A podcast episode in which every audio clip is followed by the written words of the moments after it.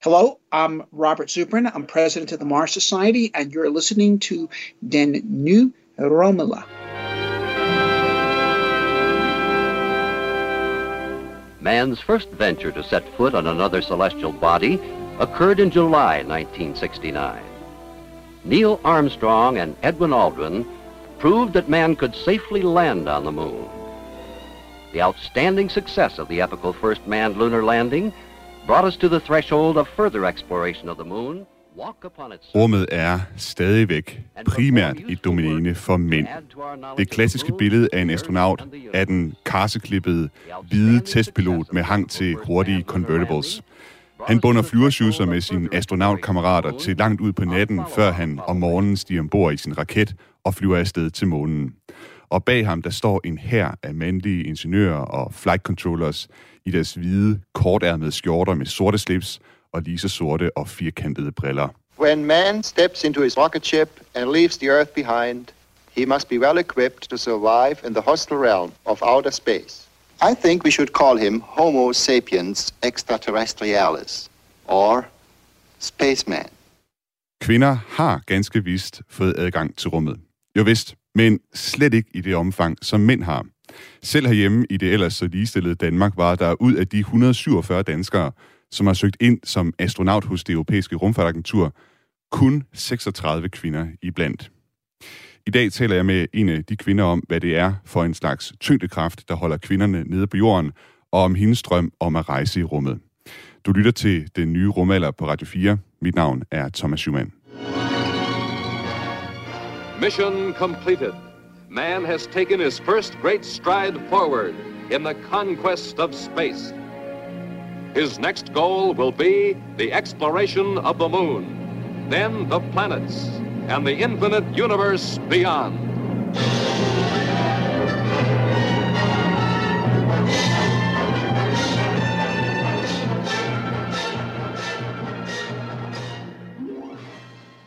Elon Musks internetsatellitter er involveret i over halvdelen af alle tilfælde, hvor satellit, satellitter suser farligt tæt forbi hinanden i kredsløb om jorden. Det viser en ny rapport fra Astronautics Research Group. Jeff Bezos kopierer Elon Musk og vil gøre kæmpe raket fuldt genbrugelig. Og så har danske arkitekter tegnet et hus for NASA, som astronauter kan bo i på Mars. Det er tre historier, som vi øh, dykker ned i til sidst i programmet. Du kan også, øh, mens vi sender den nye rumalder i dag, sms ind, hvis du øh, har et spørgsmål eller et indspark øh, til i dag. Du skriver ind til 1424, starter din besked med R4, et mellemrum, og så din besked. Og nu kan jeg sige velkommen til øh, min gæst i dag, Sheila Christiansen. Velkommen til dig. Hej, tak. Og tak fordi du, øh, du kom i studiet i dag. Vi, øh, vi mødte hinanden øh, første gang på Ida Space Talks i øh, København, så du har været kort med i øh, den nye rumalder før. Og du er så med i dag, øh, blandt andet fordi du er rumfartingeniør, men du er også en af de 147 danskere, der har søgt ind på astronautuddannelsen hos det europæiske rumfartagentur, det vi i kort form kalder en ESA. Og du kan dermed altså blive Danmarks første kvindelige astronaut.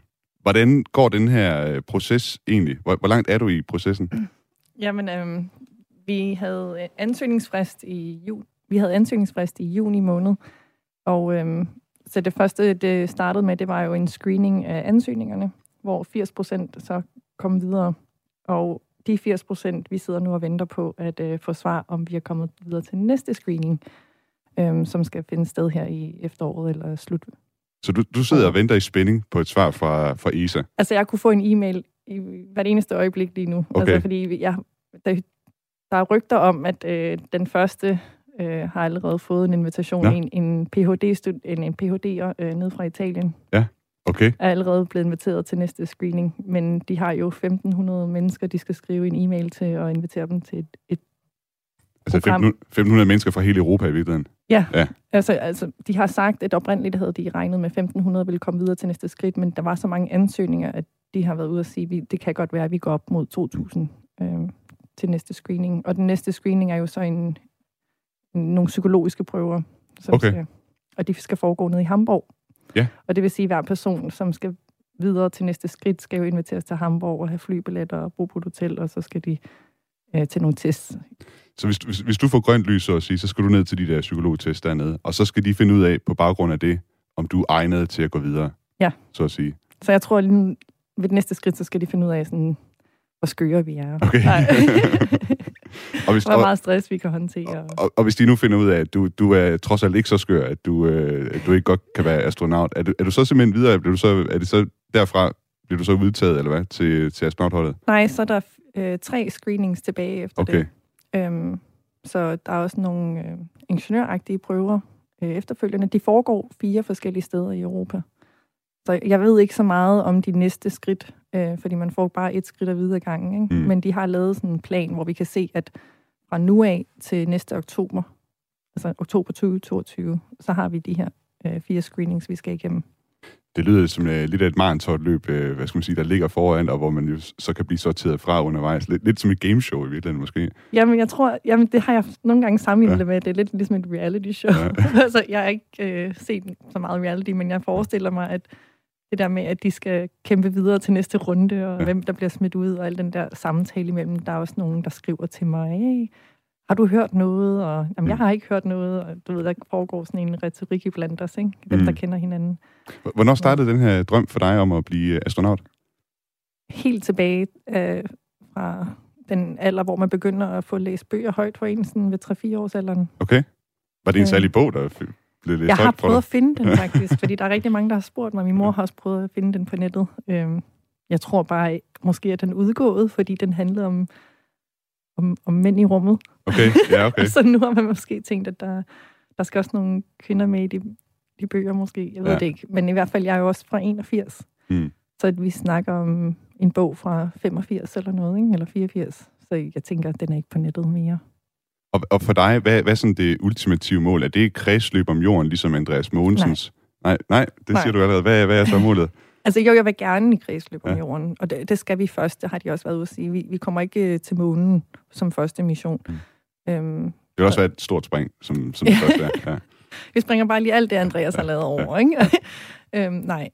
Så jo, jeg vil rigtig gerne øh, i, i kredsløb om, om jorden, fordi at, øh, jeg vil gerne se vores jord på den afstand, og jeg vil gerne øh, se atmosfæren og horisonten og alle de der ting. Men når du er på rumstationen, så, når, så kan du ikke på noget tidspunkt se hele jordkloden i rummet. Altså, den der forestilling om at se jorden som en glaskugle bare hænger, mm. eller sådan, ligesom det er julekugler, ikke? der bare hænger sådan i rummet. Hænger så, ude i så skal mørket. længere væk. Ja, ja. ja. Fordi fra rumstationen, der kan du kun se en, en halvkugle mm. øh, på et tidspunkt. Så du vil gerne længere ud? Er det, er det, er det månen? Eller ja, jeg vil rigtig gerne til månen. Du vil rigtig gerne til ja, månen, ja. Og, og der er mange, der tænker sådan, at du vil sikkert gerne til Mars. Altså, nej, det har jeg faktisk ikke de vilde drømme om Mars. Nej. Øhm, den store drøm for mig, der er at sidde på månen og, og kunne observere jorden langt fra, ligesom man har brug for at nogle gange tage en afstand øh, til ting, for at kunne se hele billedet. Ikke? Mm. Øh, det, store, det store overblik fra månen. Ja, og så ja. se en jordopgang. Altså. Det var bare været det vildeste, tænker jeg. Ja, jeg kan godt lide tanken et eller andet sted, det der med, at det er også for ligesom at kigge på den smukke jord i virkeligheden, ikke? Jo. Ja.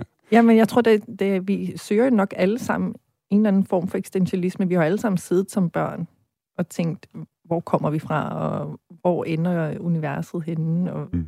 øh, udvider universet sig, eller er der en, en kant? Ikke? Og nu, ja. Det ved man jo så godt nu, at det gør, der er ikke nogen kant på universet. Mm. Den, den udvider sig og vokser hele tiden, ikke? Ja. så vi gør aldrig noget derud. Men vi har jo alle sammen haft nogle eksistentialistiske tanker, og jeg tror, at jeg er måske søger dem mere end andre. Det ved jeg ikke. Men... Jeg tror, jeg tror det, det er også sådan lidt af samme grund, at jeg selv er blevet inspireret, eller hvad skal man sige, tiltrukket af, af, af rumfart. Øh, Sila, du er jo også, øh, ud over at være astronautaspirant, så er du faktisk også direktør og, for din egen øh, rumfartvirksomhed, Spacetech øh, Danmark. Og øh, du sidder faktisk foran dig nu ja. med noget af det, som I fremstiller i Space Danmark. Det kan være, du lige vil prøve at række den over til mig her. Jeg ved ikke, hvor, hvor delikat den er, men det er sådan en... Nej, øh, den kan jeg håndtere ret meget. Øh, jeg altså, ved ikke, den kan tåle en opsendelse. Det ligner lidt noget, som kunne, kunne sidde lidt på indersiden af en uh, computer, ikke? Med sådan nogle uh, chips og sådan noget. Og så er der sådan to uh, cirkler, der ligesom stikker op fra... Ja, uh, Ja, jeg tænker, fra den. Ja. der er nogle antennefolk derude, der godt ved, hvad en patch-antenne er. Okay, det er en patch-antenne, den her ja. cirkel, de cirkel, der er ovenpå. Ja, så man polariserer signalet, det vil sige, at når du kommunikerer, ligesom I gør, når I kommunikerer ud til radiolytterne, ikke, så bruger I uh, radiobølger. Aha, okay. Og det er jo de samme bølger, vi ja. bruger til at kommunikere med rum. øh. Det er, hvad du simpelthen lige skal forklare. Hvad, hvad er det, ideen er med, med den her øh, dims, har jeg lyst til at Jamen, den kan bruges til mange ting. Øhm, det vi fokuserer på øh, med den her udvikling, det er at hjælpe øh, med at øh, spare, hjælpe verden og industrier med at spare på deres ressourcer. Okay. Øh, så den er, det er en grøn teknologi, og det er det, vi synes er vigtigst. Den kan også bruges til andre ting, selvfølgelig. Men den har nogle sensorer indbygget i det kreds, øh, Ja. eller de kreds, Altså, den kan simpelthen måle ting og sager.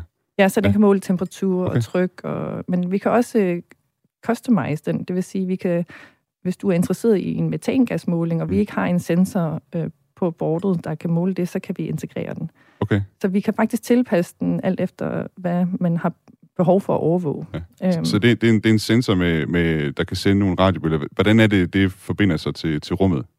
Jamen, øh, så den kommunikerer over, over satellitkommunikation. Den kan også kommunikere over jordbaseret øh, netværk. Det vil sige, at her i Aarhus, eller når man render rundt i Danmark i København, så bruger vi jo mobilnetværk. Ikke? Mm. Mm. Altså, vi har mobiltårne rundt omkring i Danmark, så vi har ikke behov for satellitnetværk for at få data.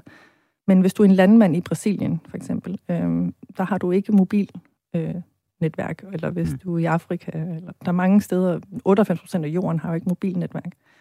Så alle de områder, øh, de er tit steder, hvor vi har mange ressourcer, for eksempel Amazonas eller noget. Mm. Mm. Øh, hvis du skal overvåge dem, så har du brug for et satellitnetværk. Det vil sige, du har brug for en satellit, der kommer hen over det område, du overvåger, for at samle dataen op. Og det gør vores enhed der. Den fylder jo 8 gange 8 cm, vejer cirka 80 gram, og så kan den samle data i 5-10 år og Hold da op. sende det Ja. øh, op til flere gange om dagen til satellitterne. Og så når satellitterne så kommer hen over et jordnetværk, så sender den ned til jorden igen, og så får du det inden for et kvarter på din computer. Så når du siger, at det er en grøn teknologi, så er det fordi, den kan effektivisere, eller den kan gøre det nemmere at måle ting. Altså, du undgår ressourcespil og sådan noget i virkeligheden. På Præcis, mange, altså jeg kan give dig tre hurtige eksempler. Altså, for eksempel landmand-eksemplet. Ikke? Der har Ja. du måske noget korn i en silo, og du ved ikke, hvornår øh, det rådner. Ja. Så der har du en fugtmåler i en bunden af siloen, for ligesom at fortælle dig, øh, og advare landmanden, altså nu er det ved at rådne. Ikke? Ja. eller du kan have nogle, noget kaviar ombord på et fly, eller en coronavaccine, eller en, Okay, øh, ja, mange coronavacciner. ja. øhm, og så kan det være, at halvvejs hen over Atlanterhavet, at du får noget data fra satellitnetværket, der siger, jamen øh, temperaturen inde i den her køleboks, den er altså ved at være for høj. Så, lige, så ved du, at lige snart den lander på tarmakken i Paris, og så skal du have den ind i en fryser. Mm. Hvorimod, hvis du ikke vidste det, så går alt det til spil. Og det Okay. gælder det samme med tomater og kaviar, og også for strømforbrug. Og Ja. ja. mange af vores ressourcer, som vi er afhængige af, vil vi egentlig have mange flere af, og vi vil måske have tilstrækkeligt nok ressourcer, hvis vi bare kunne omstrukturere dem og, og monitorere dem bedre. Jeg, er sikker på, at vi kunne tale øh, en hel time også Ja, om, det kunne om og, hvad hedder det, hvordan øh, rummet kan være med til at effektivisere på den her måde. Men det skal jo altså i dag handle om øh, kvinder i øh, rummet. Liftoff. We have a liftoff. 32 minutes past the hour. Liftoff on Apollo 11. Sheila, jeg kan fortælle dig, at der har fløjet 565 mennesker i rummet. Hvor mange af dem tror du var- kvinder? Jeg tror 15 procent. 15, jeg kan ikke regne ud i hovedet, hvad 15 procent er. Jamen 10 procent af 500, det er er 50, og 5 procent af 500, det er 25. Så omkring 80 stykker. Det er ikke øh, langt fra, men det er altså kun 66. Okay, Ja. jeg var ret tæt på. Det var ret tæt på, ja, Men det er faktisk. fordi, at vi har sådan en statistik i rumbranchen, der siger, at det er cirka 15 procent Okay. ansat i rumbranchen, cirka 15 procent har været, øh, dem, der har været vægtløse, altså i sådan noget træning, Ja. også til forskning og sådan noget, har 15 procent været kvinder. Okay. Så den kører sådan lidt 15 procent, og jeg Den tror kører hele også, vejen over. Den kan man simpelthen bruge som tommelfingerregel. jamen, hvor mange øh, procentdel af af danskere har været kvinder, der har søgt ind på astronautuddannelse, det er cirka også 15 procent, Ja. tror jeg. Ja, det passer også meget godt, ja. ja. Af- de her 66 øh, astronautkvinder, så er USA dem, der ligger i spidsen. De har haft 50 i rummet, mens øh, Rusland, skråstreg, øh, Sovjetunionen, trods at de har haft et kæmpestort korps af kosmonauter, så har de kun haft øh, fire kvinder i rummet. Og Europa indtil videre har også kun haft øh, fire kvindelige astronauter i rummet. Det var imidlertid en øh, russisk kvinde, der var den første af sit køn til at rejse i rummet. Valentina made sure of her place in history when she demonstrated that woman is on equal terms with man in the conquest of space. At the Piccadilly Hotel, the medal was... Sådan lød heldemodtagelsen i de britiske medier efter Valentina Tereshkova tog på verdensturné for at fejre sin rumrejse i 1963. Hun fløj blot to år efter, at øh, Yuri Gagarin, hendes landsmand, som det første menneske susede rundt om jorden i sin rumkapsel. Men faktisk var Valentinas øh, rumrejse meget længere. Den varede i øh, tre døgn. Det var en øh, enorm propagandasucces for Sovjetunionen, ikke mindst fordi en russisk kvinde dermed havde tilbragt længere tid i rummet, end det samlede amerikanske astronautkorps havde på det tidspunkt. Tereskoras øh, rumrejse, det var imidlertid ikke et seriøst forsøg på at bane øh, vejen for kvinder i rummet. Efter at hun, øh, øh, efter Valentina Tereskova, øh, der skulle der gå 21 år, før den næste russiske kvinde kom ud i rummet, og da det russiske rumfartagentur Roskosmos i år udvalgte et nyt hold kosmonauter, var der ingen kvinder iblandt. Vi prøvede faktisk at få fat i Valentina Tereskova øh, til dagens program, for hun lever stadig. Hun er 83 år gammel, og vi fandt også en e-mailadresse på hende, og var i korrespondence med hendes øh, sekretær. Men øh, vi nåede ikke at få en øh, interviewaftale i hus inden udsendelsen i dag. Men jo. det kan være, ja, det er ærgerligt, men det kan være, at vi kan få en aftale i hus til en fremtidig udsendelse af den nye rumalder. Liftoff of STS-7 and America's first woman astronaut, and the shuttle has cleared the tower. Det tog amerikanerne 20 år at gøre russerne kunsten efter, da Sally Ride blev den første amerikanske kvinde i rummet, da hun strøg afsted fra affyringsrampen i Cape Canaveral, Florida, ombord på rumfærgen Challenger. Og NASA's ingeniører de blev taget lidt på sengen, da de skulle pakke forsyninger til Sally Ride. De havde nemlig svært ved at finde ud af, hvor mange tamponer en kvinde havde brug for på en uges rejse i rummet. Så de henvendte sig til Sally Ride og spurgte, er 100 tamponer nok? Sally Ride svarede, at de uden problemer kunne sende halvt så mange med. Desuden troede ingeniørerne, at det var vigtigt for kvinder øh, på rumrejse at kunne pynte sig. Ingeniørerne hos NASA besluttede i deres, i deres uendelige visdom, at kvindelige astronauter ville have makeup, så de designede et makeup kit, sagde Sally Ride sidenhen om sin tur. Øh, Sheila, du tager dig til hovedet. Ej, jeg synes bare, det er så latterligt. Altså. ligesom de havde proppet silkelaner ind i uh, det der astronauthus. Havde de, hvad, hvad ja, er det for en historie? Ja, det var fordi, at du, man skal være i isolation før en rumrejse. Ikke? Så ja. de, der er sådan et hus på Cape Canaveral, ja. som de bor i i dagene op til. Okay. Og sådan, så de er isoleret. Så kan familien komme og besøge dem der. Ikke? Ja.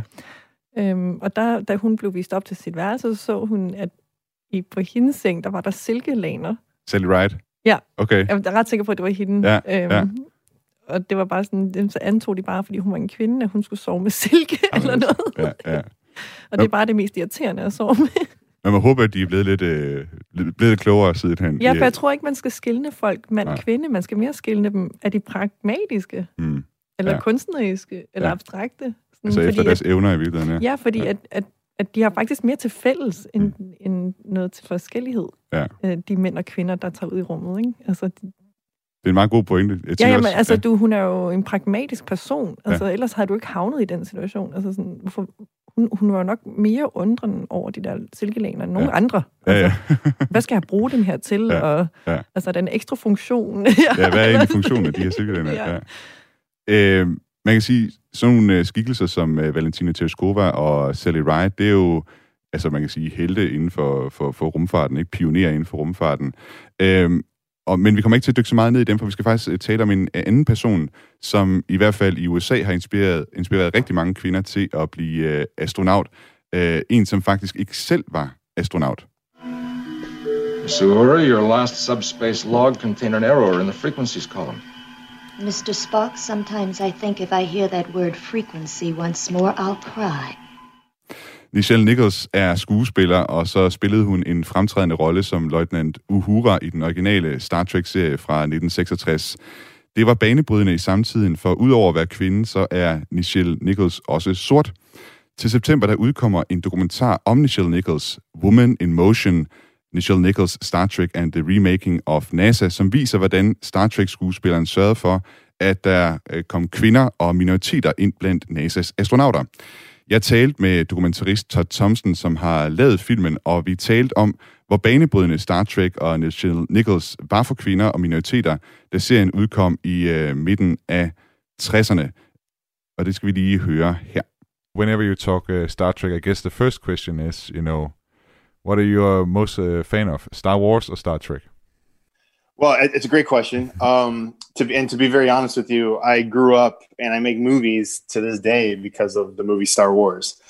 And um, I, you know, of course, I I knew Star Trek growing up. My my dad used to watch reruns of the uh, original series on our. This, we had this little black and white TV in our kitchen that had the old uh, antennas on it, and so I remember I remember having to like always adjust the antennas to get a good picture. But um, those are my early memories of Star Trek. And then I and then I think my first sleepover birthday party uh, for my friend Eric, we went to go see The Wrath of Khan, which was my first Star Trek movie in the movie theaters. And um, you know, to this day, that movie remains one of my favorite Star Trek movies of all time. I just love it. Can you give me phaser power? A few shots, sir.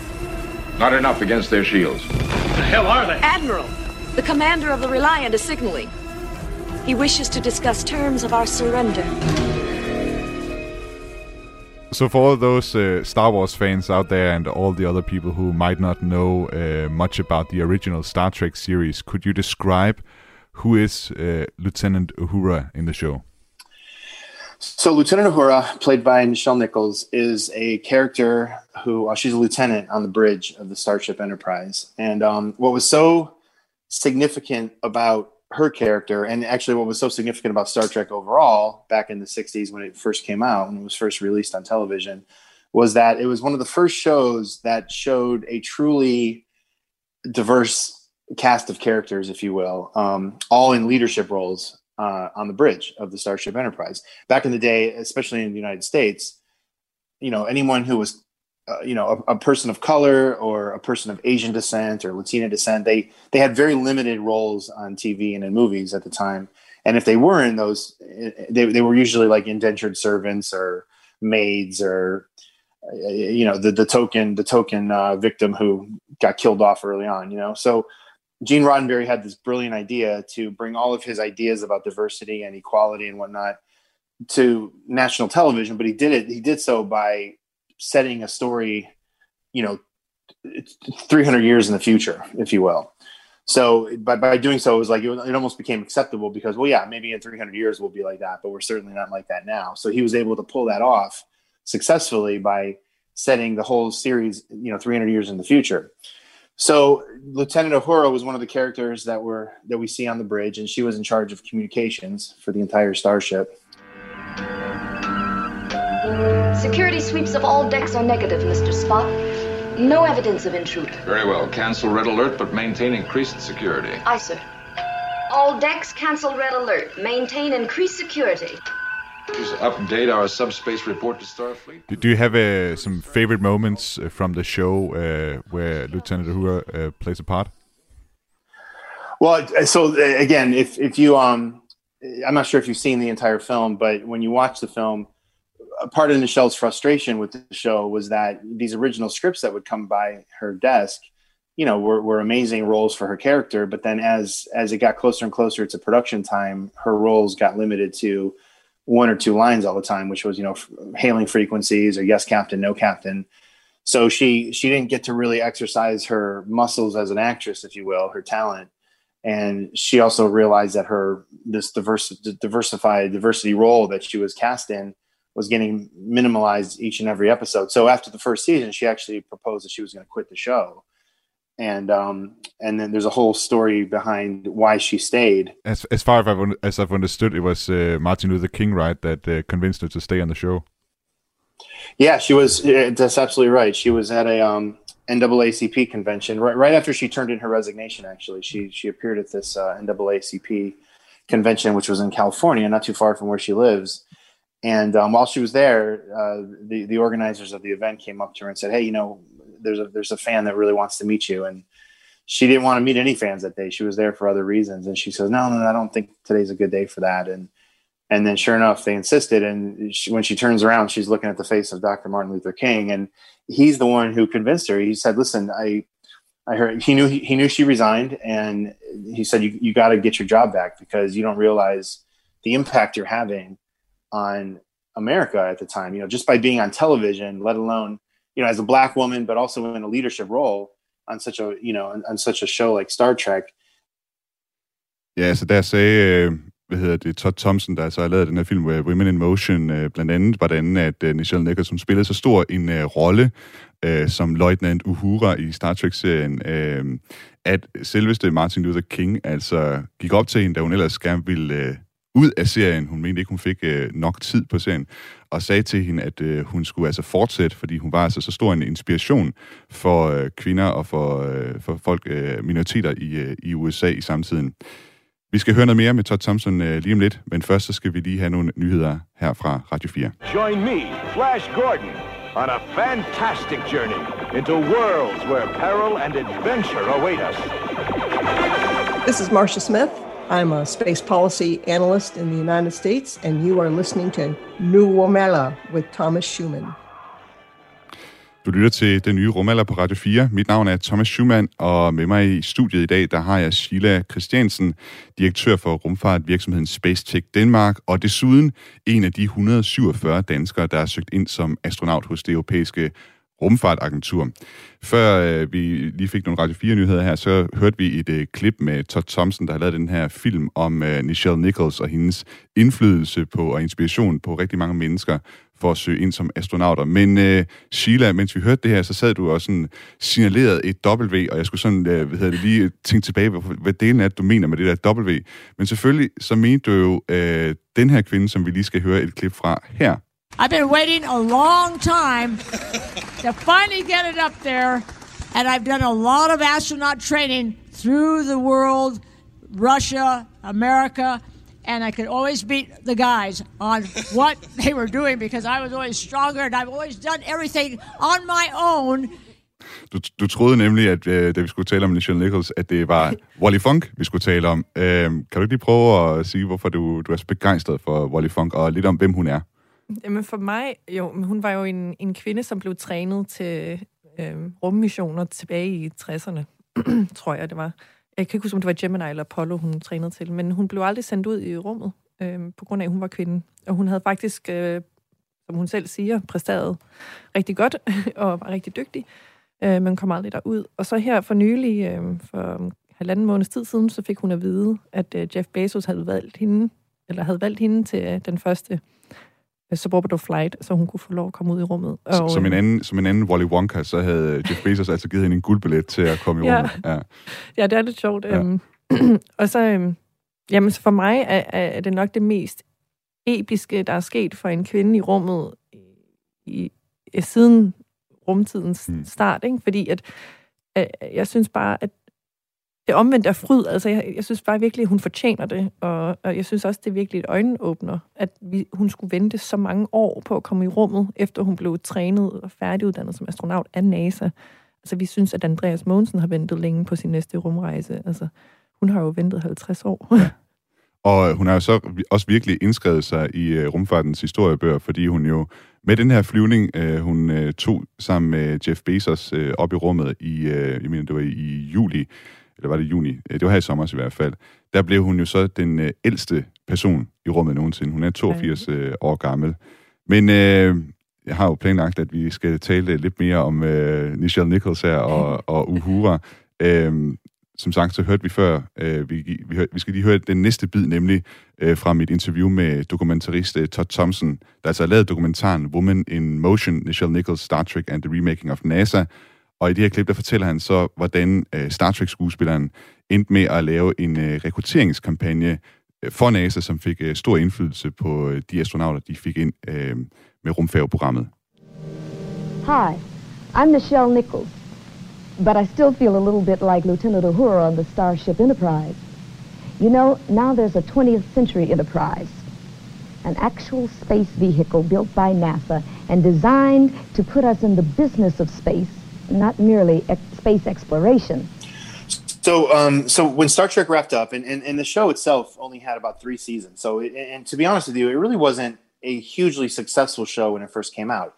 Um, it, it, was it was threatened to be canceled after the first season, but then they were able to muster up enough fan letters to extend it to season two and season three. But then when the show wrapped up, um, and before the movie started to, to, to, to go into production, because um, because those weren't even a blip on the radar at the time, um, these fans started creating uh, these science fiction conventions. You know, back in the in the early '70s, and um, Star Trek obviously had a huge part in those in those conventions. A lot of the fans were Star Trek fans, and as the attendance grew bigger and bigger and bigger, um, NASA started to get involved because naturally, because of the nature of the beast here, a lot of NASA employees, scientists, engineers, astronauts, even are huge Star Trek fans because again, it gave them a glimpse, glimpse as a, as a younger child, you know, what was possible. That space was out there, space was waiting to be explored. So that was an inspiration for a lot of them to get into their day jobs now at NASA. So NASA started showing up at these conventions, and at some point, um, it was a, it was a convention in Chicago, one of the largest uh, Star Trek conventions to date at the time. Um, Star Trek and the Star Trek cast and people from NASA, representatives from NASA, were at the show together, sitting on a panel and talking to the audience. And um, that's when NASA and Nichelle connected the dots, and and Nichelle was just extremely impressed by the presentation that NASA did that year, and just was you know in awe of everything they were doing and what they where they had come from and where they were planning to go. But you know, again, Nichelle being Nichelle, she immediately saw that you know I, I, she didn't see any women in that plan, and she certainly didn't see any black people. So that's when she just stood up and asked the very simple but important question. You know, where are my people?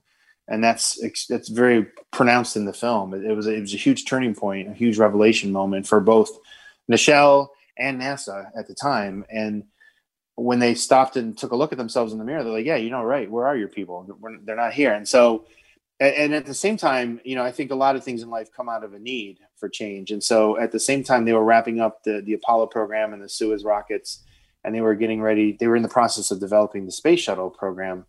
And they knew early on that they were going to need a different type of astronaut for the space shuttle program. In the old days, it was test pilots and military pilots, um, you know, would go into training to become astronauts because they needed to fly the rockets. But in, in the space shuttle world, you know, it's much more of a, of a research based um, program where, where they're going to go to space. And yes they need pilots to get up there and, and to return but while they're up there they need experiments. They need they need to do all sorts of stuff up there that that you know goes outside the realm and the parameters of what a normal military pilot could could accomplish.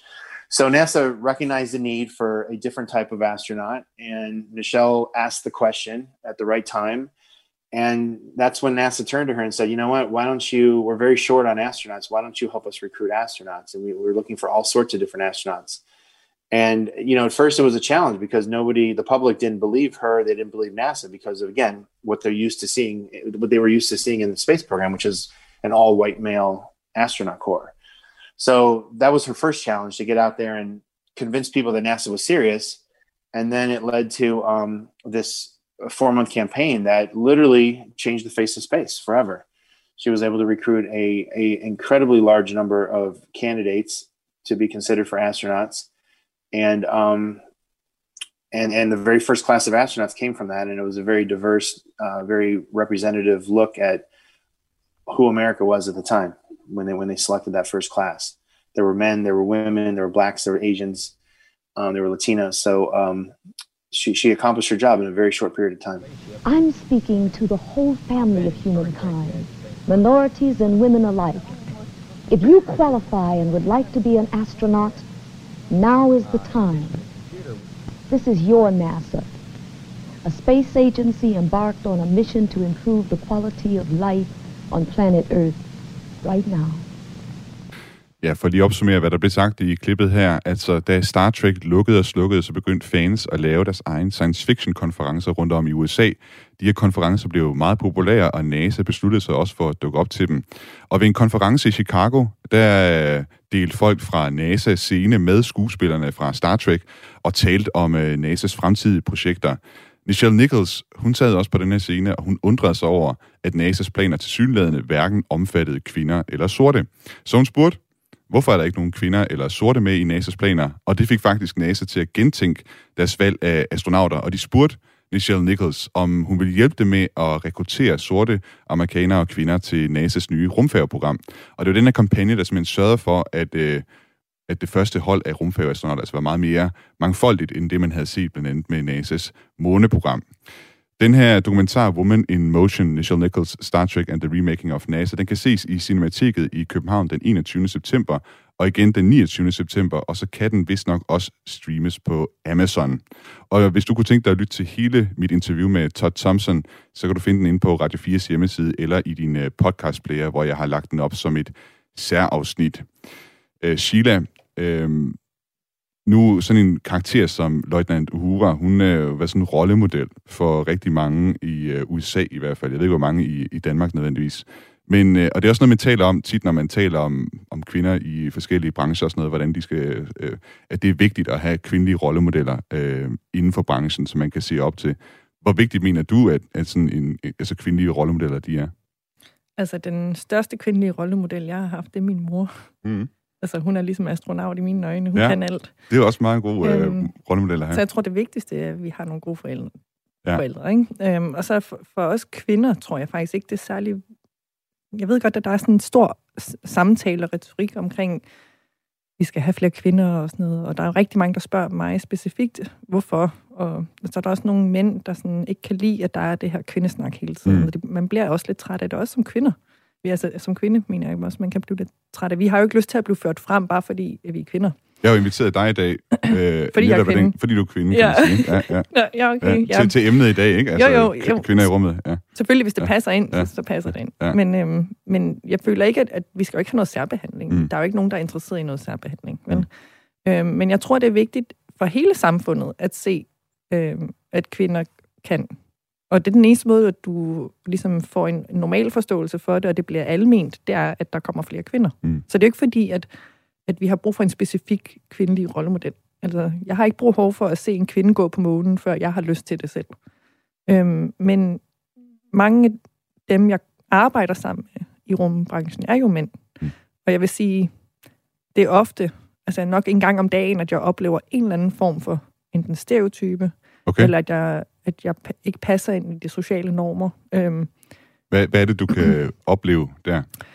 jeg bliver tit lagt an på, Mm. øhm, fordi jeg, jeg er bare sådan, jeg ved det ikke, jeg er meget glad og smilende, og jeg Mm. tror, at det, der er mange, der synes, der er tiltalende, så jeg er meget umiddelbar øh, person også. Øhm, og ja, så tror jeg, at der, er- der er mange, der synes, det er spændende at, møde en kvinde, når man arbejder sammen med mænd hele tiden. Ja, Ikke? ja. Så jeg tror, at, at bare der kan du få noget opmærksomhed, bare fordi du er kvinde. Ikke? Mm.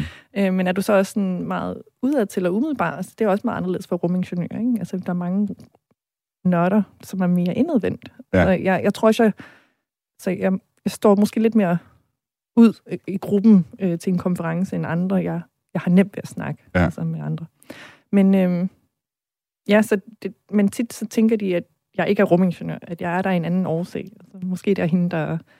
De ser noget, klassiske, klassiske, noget altså- kærestepotentiale, i stedet for at se på, på ingeniøren. I virkeligheden. Ja, altså, ja. men jeg har også i, i, i arbejdsregi desværre fået at vide, sådan, ej, der er så ensomt her på bestyrelsen, vi har Mm. brug for et nyt bestyrelsesmedlem, og jeg ser en lille leder i dig, og vil du Mm. med til fyreaftensdrinks på fredag? Og så Okay. tænker jeg, ej, endelig er jeg blevet anset for at være en af mændene, jeg er blevet inviteret til fyreaftensdrinks på fredag, ikke? Ja. Og så kommer fredag, og så, så finder man ud af, at der ikke er nogen andre kollegaer med til det der fyreaftensdrinks, ikke? Så noget andet, der er lagt op til. I stedet Ja, øhm, hvor, så jeg er nødt til at prøve at være den modne og den høflige, og ikke øh, gøre øh, chefen eller den, det der bestyrelsesmedlem flov, og ved at rejecte ham, ikke? Mm. Og hvis du afviser en, en chef på en date, altså det, det er lidt kikset. Ja. Øhm, men så den måde, jeg kom Akavet. ud af den der på, ja, Ja. ja, det var, at jeg sagde, at jeg vil hellere vente til en anden dag, hvor resten af vores kollegaer kan være med. Ja. Ikke? Fordi at det var jo fyraftensdrinks. For mig er det lige rundt om hjørnet, for hvor man arbejder, i sin kedeldragt med olie i håret, og vi byggede jo raketter. Så mm. det var sådan, hvorfor skal man hjem og i bad og have jakkesæt på, og, Mm. mm. for at have fyraftensdrinks? Ja. Så, men fordi at jeg ikke... Øh, jamen, så det kræver jo en, en akavet, et akavet miljø fremover, når man så skal ind og arbejde sammen. Ikke? Mm. Øhm, og selvfølgelig hørte jeg ikke mere om den bestyrelsespost bagefter. Det, det, øh, det kan man jo forestille sig. Der er jo mange, der sådan godt kan blive øh, slået ud af kurs på den måde, ikke? Eller sådan, synes, det er irriterende at være i, i sådan en branche der, hvis man oplever det der for mange gange. Ja, men der er også nogle mænd, som har behov for, at man snakker om det der heldegen hos mænd, ikke? Mm. Og så kommer jeg, og jeg reparerer min egen bil, og jeg udvikler rumteknologi. Og mm. altså, så der er nogle mænd, der føler, hvad kan jeg bidrage med? Jeg har faktisk haft øh, kærester, der har sagt, at de har følt sig øh, Altså, kan du ikke godt bede min hjælp nogen gange? Agtigt, ikke? Okay, Hvor, ja. Jamen, vi kvinder, vi prøver bare at være selvstændige for at gøre jeres liv nemmere, ikke? Ja. Jeg har hørt dig sige på et tidspunkt, at, at i virkeligheden så er det mændene, der har brug for de her kvindelige øh, rollemodeller. Jamen, det er det, jeg føler, fordi at hvis jeg kom ind til en rumkonference, øh, folk, folk ville jo ikke antage, at det var mig, der bragte kaffen, bare fordi jeg var kvinde. Øh, hvis det var, at de havde set flere kvinder før mig. Så det er faktisk ikke for min skyld. Altså, det er for at gøre livet nemmere for dem. Altså, sådan, så de ikke skal... Det, det må være mærkeligt, det ved jeg ikke, øh, for dem. At, at se mig komme ind og sådan, ah, jeg har brug for noget kaffe, eller sæt dig her, eller sådan, mm. det er mig, der skal tale ja. om lidt, ikke? Altså, så, så ved de ikke rigtig, hvordan de skal reagere og sådan noget. Det er bare, det er bare unaturligt for dem. Jeg jeg tror, det er nogle, nogle normer, man bryder Ja. i forhold til, hvordan ser man ud, når man er rumingeniør.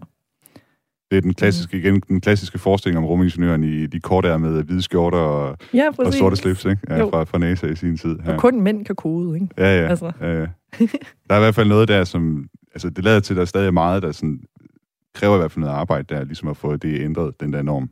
Ja, og hver gang jeg er med i et eller andet som det her, altså øh, nyheder eller Godmorgen Danmark, eller så er der altid nogen, der skriver inde på de sociale medier. Ja. Det er altid en mand, der er sådan lidt irriteret. Ja. Hvorfor? Hvorfor snakker I så meget om det? Og...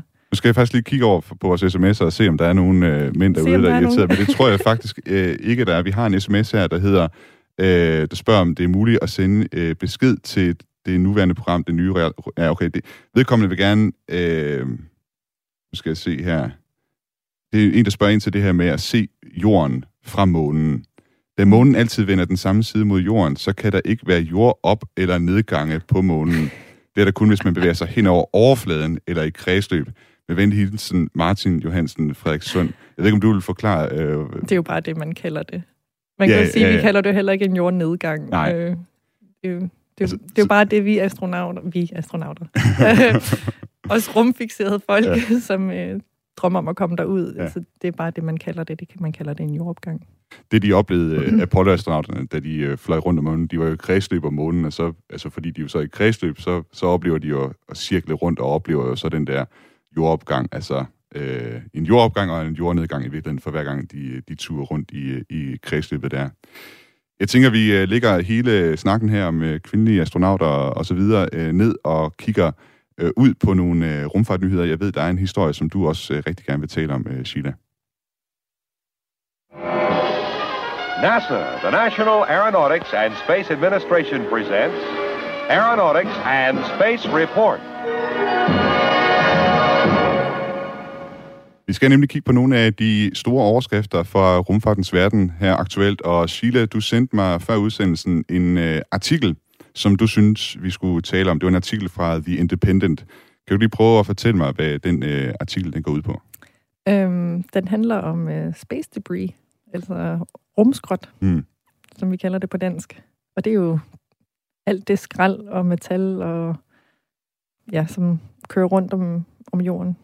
Alt det, som ligesom er blevet til overs for mange øh, satellitter og alle de opsendelser, man har haft, det, det har lidt svært ved at komme ned fra rummet. Øh, en, øh, en, hvad skal man sige, altså skrald her på jorden, det falder jo til jorden, men deroppe, der bliver det bare ved med at køre rundt, ikke? Og Jo, hvad- altså man kan sige, på et tidspunkt vil det, skal det nok falde ned Mm. mod jorden, ikke? Men Ja. Den, den artikel, øh, den, den handlede jo om, øh, hvad hedder det, Starlink-satellitter, og at øh, det åbenbart er sådan, at, at Starlink-satellitter er involveret i over halvdelen af alle de tilfælde, hvor satellitter, de kommer farligt, altså suser farligt tæt ind for, forbi hinanden, altså det, man kunne kalde en nær kollision, det er i hvert fald det, man kalder det på engelsk. Øhm, og det er jo så fordi SpaceX, de sender rigtig mange øh, af de her internetsatellitter op øh, for tiden. De har 1700 satellitter i øh, kredsløb lige nu. Deres plan er, at det skal op på, jeg ved ikke, nogle gange så hører man det er 12.000, andre gange så hører man Ja. det er 42.000. For jeg tror, det er, fordi de har ja. fået noget af det godkendt i forvejen. Ja. Øhm, og så er der noget andet, der ligger i en ansøgning Okay, om at få godkendt de, resten af satellitterne. den store, den store sværm, de Konstellation, her, ja. den 42.000 store øh, ja, satellitsværm. Altså, da jeg først hørte om det for et par år siden, så begyndte jeg faktisk at græde. Okay, hvorfor? Altså, jeg sad nede øh, på ESA's Technology Development Center, STEC. Øh, vi var der nede til en konference, og så gik vi til frokost med vores projektleder. Og der skal jeg, det var faktisk første gang, jeg mødte ham in person. Så jeg prøvede rigtig sådan at være professionel, ja. og jeg, jeg var stadig i den der periode, hvor du føler dig lidt ny. Mm. Øh, og det var min første konference, en rigtig rumkonference hos ESA og sådan noget. Så jeg kiggede meget øh, til mine mandlige kollegaer, og ligesom lod dem føre samtalerne og sådan noget. Og så sidder vi ude i, øh, til frokost, og så begynder de at snakke om den her Starlink-konstellation, og jeg var sådan lidt, hvad? Øh, jamen, der er der nogen, der gør noget ved det. Jamen, der er jo nogle lovgivninger, og, sådan, og så sidder de og siger, nej, men det er der faktisk ikke, mm. og der er ikke nogen, der kan stoppe dem, og, og, og jeg begynder bare at græde, og, så øhm, hvad, der hvad, er det mig ved, hvad, pige. men hvad, er det ved, hvad er det ved Starlink, der, der gjorde dig trist? øh, jeg ved godt, det lyder rigtig ekstremt, men for mig er det ligesom pædofili. Altså okay. nogen, der udnytter noget skyldigt. Ja. Altså nogle, nogle store, modne, ansvarlige mennesker, der ved, hvad de laver, der udnytter noget skyldigt. Øhm, sådan ser jeg lidt Starlink, at vi har øh, brug for de, den, de baner, som øh, Starlink vil bruge, dem har vi jo brug for til, til andre nyttige ting. Mm. Øhm, og jeg ved, at grunden til, at man har bygget, eller har ideen om at, at bygge konstellationen, det er jo for at tjene penge til Mm. aktiemarkedet, for eksempel. Ikke? Øhm, Altså ideen er, at man skal simpelthen øh, så det er, forret, det er ren internet. forretning. Ja, ja. Jamen, det er jo noget, ikke for noget, men det er jo bare en sjov historie, at man siger, at man giver internet til hele verden, fordi hvis du kigger på, hvad de enheder koster for at, for at kunne bruge det data, så er der jo ikke nogen i Afrika, der har råd til det. Mm. Altså, så den er jo ikke lavet til at give internet til hele verden. Den er jo lavet for, at folk kan kommunikere mellem London og New York med 73 millisekunders besparelse ikke? Ja. på tid. Ja. Øhm, Øh, Du kan simpelthen sende de der aktiesignaler, du ved, øh, de er meget afhængige Ja. af øh, aktiemarkederne af at få signalet hurtigt, så deres algoritmer kan reagere, og der kan man barbere noget af tiden af, hvis man sender det igennem rummet, igennem, i stedet Ja. for at man sender det igennem øh, fiberkabler under og det er også derfor, at satellitterne ikke bruger RF. Mm. Øh, imellem satellitterne, de bruger laser. Okay, Altså sådan noget optisk øh, data, fordi det, det kan du overføre meget hurtigere. ja. Men du, men du frygter simpelthen det scenarie, som man jo også taler om, altså man taler om det her Kessler-syndrom, øh, at øh, altså det er så i forhold til rumskrot, du ved, øh, hvis man har den her kaskade af satellitter, der bliver slået i stykker af andre satellitter, så til sidst så er hele rummet over jorden, det er simpelthen fyldt med rumskrot. Er, er det det, der sådan også gør dig trist, eller er det, er det, Det- SpaceX, at de sådan sætter sig på, på øh, hvad skal man sige, øh, rummet over jorden? Nej, de, altså, det er, at de rent faktisk ødelægger øh, vores forskning. Altså, de ødelægger rigtig meget forskning. forskning. Så hvis du er astrofysiker, så ved du godt, hvad jeg snakker om. Mm. Eller hvis du er en ham radio-person. Ja. Øhm, fordi at der har du behov for at se lys, der kommer fra andre galakser. Og, og jo flere satellitter, der er derude, jo flere solpaneler, jo flere forstyrrende signaler er der. Og jeg tror, man har lavet et estimat med, at man skal bruge 10 gange flere man-hours på at analysere noget af det her data, mm.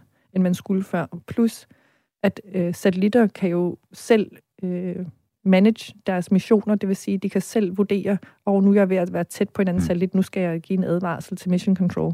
Men så snart du, de kommer inden for en vis rækkevidde af hinanden, så, øh, så er de nødt til at have en, en menneske på, mm. så skal manage den mission. Og jo ja. flere satellitter SpaceX sætter op, jo flere mennesker har vi behov for at manage i vores jordobservationssatellitter. Og jordobservationssatellitter, de er meget vigtige. Mm. Og SpaceX-satellitter er bare virkelig uvigtige. Det er i hvert fald noget, der har rykket rigtig meget, og jeg ved, der er også, som du siger, mange astronomer, som er trætte af at få sådan nogle Starlink-striber ind over deres øh, billeder, simpelthen, som blokerer for lyset ude fra universet. 1, 2, 3, 4, 5, 5, 4, 3, 2, 1, end of test. Vi springer videre til næste nyhed, og øh, efter at lige have haft den her snak med dig, så har jeg måske lidt, lidt dårligt om at snakke på den her, fordi jeg har, jeg har måske lidt mildere øjne på SpaceX, øh, end Oh. du har, og det er, mest, det er egentlig mest, fordi jeg tror, at øh, altså jeg er meget fascineret. Jeg sidder også med en øh, SpaceX t-shirt på med Occupy Mars, og du sidder også med en halskæde med deres øh, rumskib Starship, og det er faktisk lidt øh, det her rumskib, vi skal snakke om på en måde.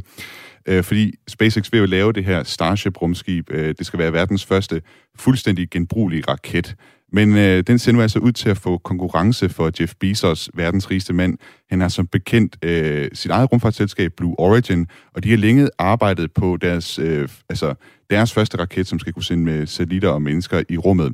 Den hedder New Glenn, og indtil videre så skulle den altså som planen var oprindeligt, så skulle den være ligesom Falcon 9, altså første trin kan genbruges på den her raket, mens det andet trin, det ligesom bliver smidt væk. Men øh, nu kan man så læse øh, på Ars Technica af rumfartsjournalist Eric Berger, at øh, man hos øh, Blue Origin har startet et projekt, der hedder Projekt Jarvis, hvor man vil gøre hele raketten genbrugelig, altså også det øvre trin øh, på, øh, på New Glenn. Øh, simpelthen kopiere, altså fordi man har set skriften på væggen, så at sige, og hvad det er, som øh, Elon Musk øh, foretager sig.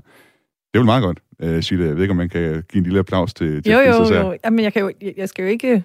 Ja, der er en forskel på Starlink Ja. og, og SpaceX, SLS og Starship. Ja. Og noget, ikke? Altså, Ja. Jeg har lov til at skille. Jeg kan jo godt lide det, der foregår på NASA-fronten. Ja. det er det private industri. Så alt det, alt det, der handler om at sende mennesker længere ud i rummet og sådan noget, det, det er fint nok. Ja, det er fint nok. Ja.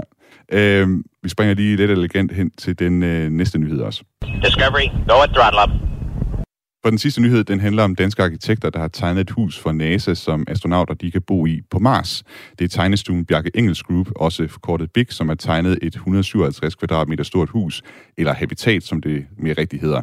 Det skriver Danmarks Radio. Tegningen den er også blevet til en prototype øh, hos øh, Johnson Space Center i Texas. Der har NASA 3D-printet en udgave af huset i rød cement. Og planen den er, at fire amerikanere altså skal prøve at bo i det her hus, øh, og så uden at de sådan i stort set øh, kommer i kontakt med omverdenen, mens de bor derinde. Vi er ved at løbe lidt ud, på, ud af tid. Jeg kan lige sige, i forhold til den sidste nyhed her, vi regner med at få et interview med Bjarke Engels Group øh, senere. Jeg kan desværre ikke stille nogle opfølgende spørgsmål på det her, Sheila. Jeg kan bare sige, at øh, altså, dels øh, tak, fordi at, øh, du er med, og så øh, held og lykke med din drøm om at blive astronaut. Jeg ved, at man kan følge dig på Instagram, hvis man er interesseret i at følge med i øh, din rejse. Er det ikke rigtigt? Jo, Astro Sheila. Netop. Men vi skal også lige nævne Sega Space. Hvis Det, vi Bjarke Engels. Det, hvis man lytter til en tidligere udgave af hvad hedder den nye rumalder, øh, dansk månearkitektur i NASA's og SpaceX's søgelys, der kan man høre om Saga Space også. Jeg skal runde af her. Programmet i dag var tilrettelagt af Frederik Ingemann Lyne og Lasse Christensen. Mit navn er Thomas Schumann. Du kan finde os øh, udsendelserne på podcast på vores hjemmeside inde på Radio 4, på Spotify og på Apple. Skriv til os på den nye rumalder, radio4.dk, indtil vi høres igen igen at Astra. It's about believing in, in the future and, and thinking that the future will be better than the past. Um, and I can't think of anything more exciting than going out there and being among the stars. That's why.